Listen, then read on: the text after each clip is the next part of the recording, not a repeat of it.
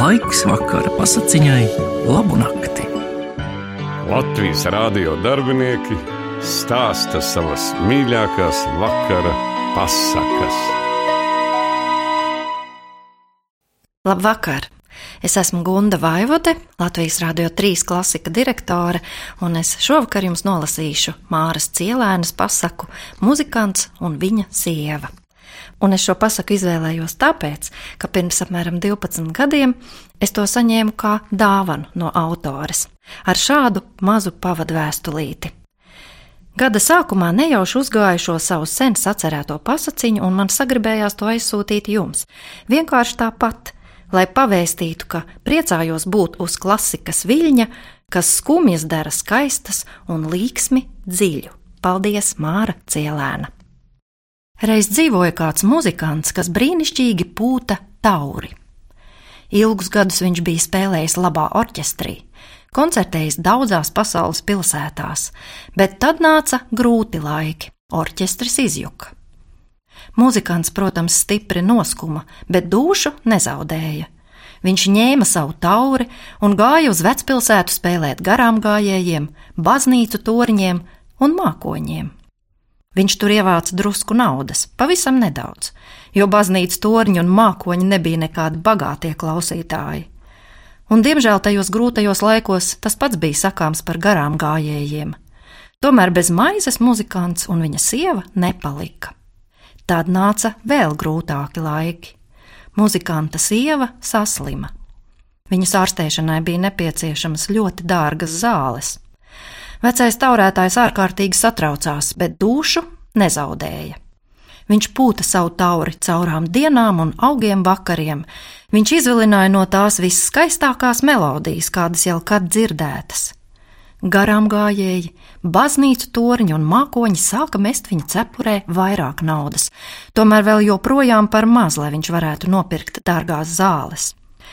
Vecais muzikants stipri sabēdājās, bet dušu nezaudēja. Viņš pārdeva savu uzticamo tauri un nopirka zāles. Taču bija jau par vēlu. Viņa sievu zāles vairs nespēja glābt, viņa nomira un vecais muzikants zaudēja dušu. Viņam vairs nebija ne sievas, ne tauras, ne dušas, ne dzīves prieka. Līdz tumsai viņš klīda pa vecpilsētas ielām un laukumiem, it kā pats bez dzīvības būtu palicis. Vīrs staigāja tik ilgi, kamēr viņam vairs nemaz nebija spēka.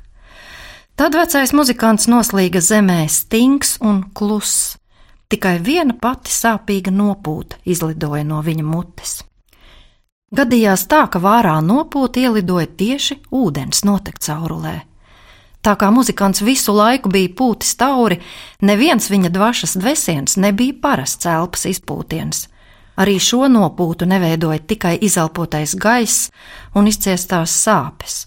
Nopūta ieplūda notek caurulē, un izvijusies tai cauri kāpa pret debesīm brīnišķīgas taures skaņas veidā.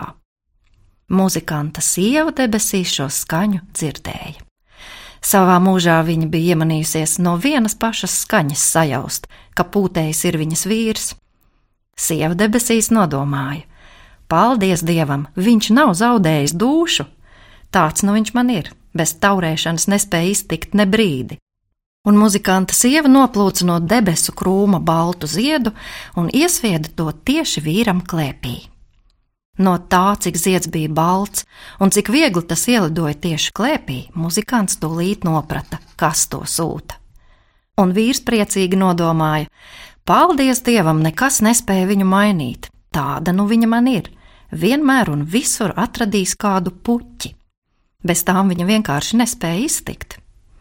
Lai sieva manītu, ka vīrs ziņu saņēmis, muzikants sāka pūst ūdens notek caurulē viņas mīļāko melodiju skanēja labi, tīri, dzidri un maigi. To atzina arī baznīcas toriņi un vecās mājas un mākoņi un bruģa akmeņi un koki. Muzikants iejūsmojās un metās izmēģināt arī citas notekcaurules. Augu nakti viņš staigāja pa vecpilsētu un ar notekcauruļu palīdzību sūtīja pret debesīm tādas melodijas, kādas bija pelnījusi viņa dārgā sieva, viņa mīļā pilsēta un visa skaistā pasaule. Lai arī kurā vecpilsētas stūrī viņš būtu, sieva viņu nekļūdīgi atrada un atalgoja viņa priekšnesumu ar baltu ziedu. Vēlāk, kad abi satikās, muzikants atzinās: Zini, es toreiz pavisam biju zaudējis dušu.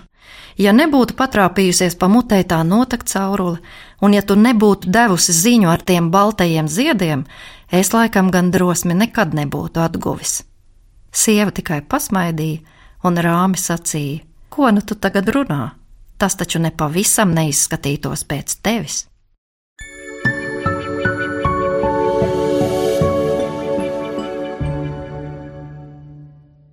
Māras cielēnas pasaku muzikants un viņa sieva lasīja Gunda Vaivode.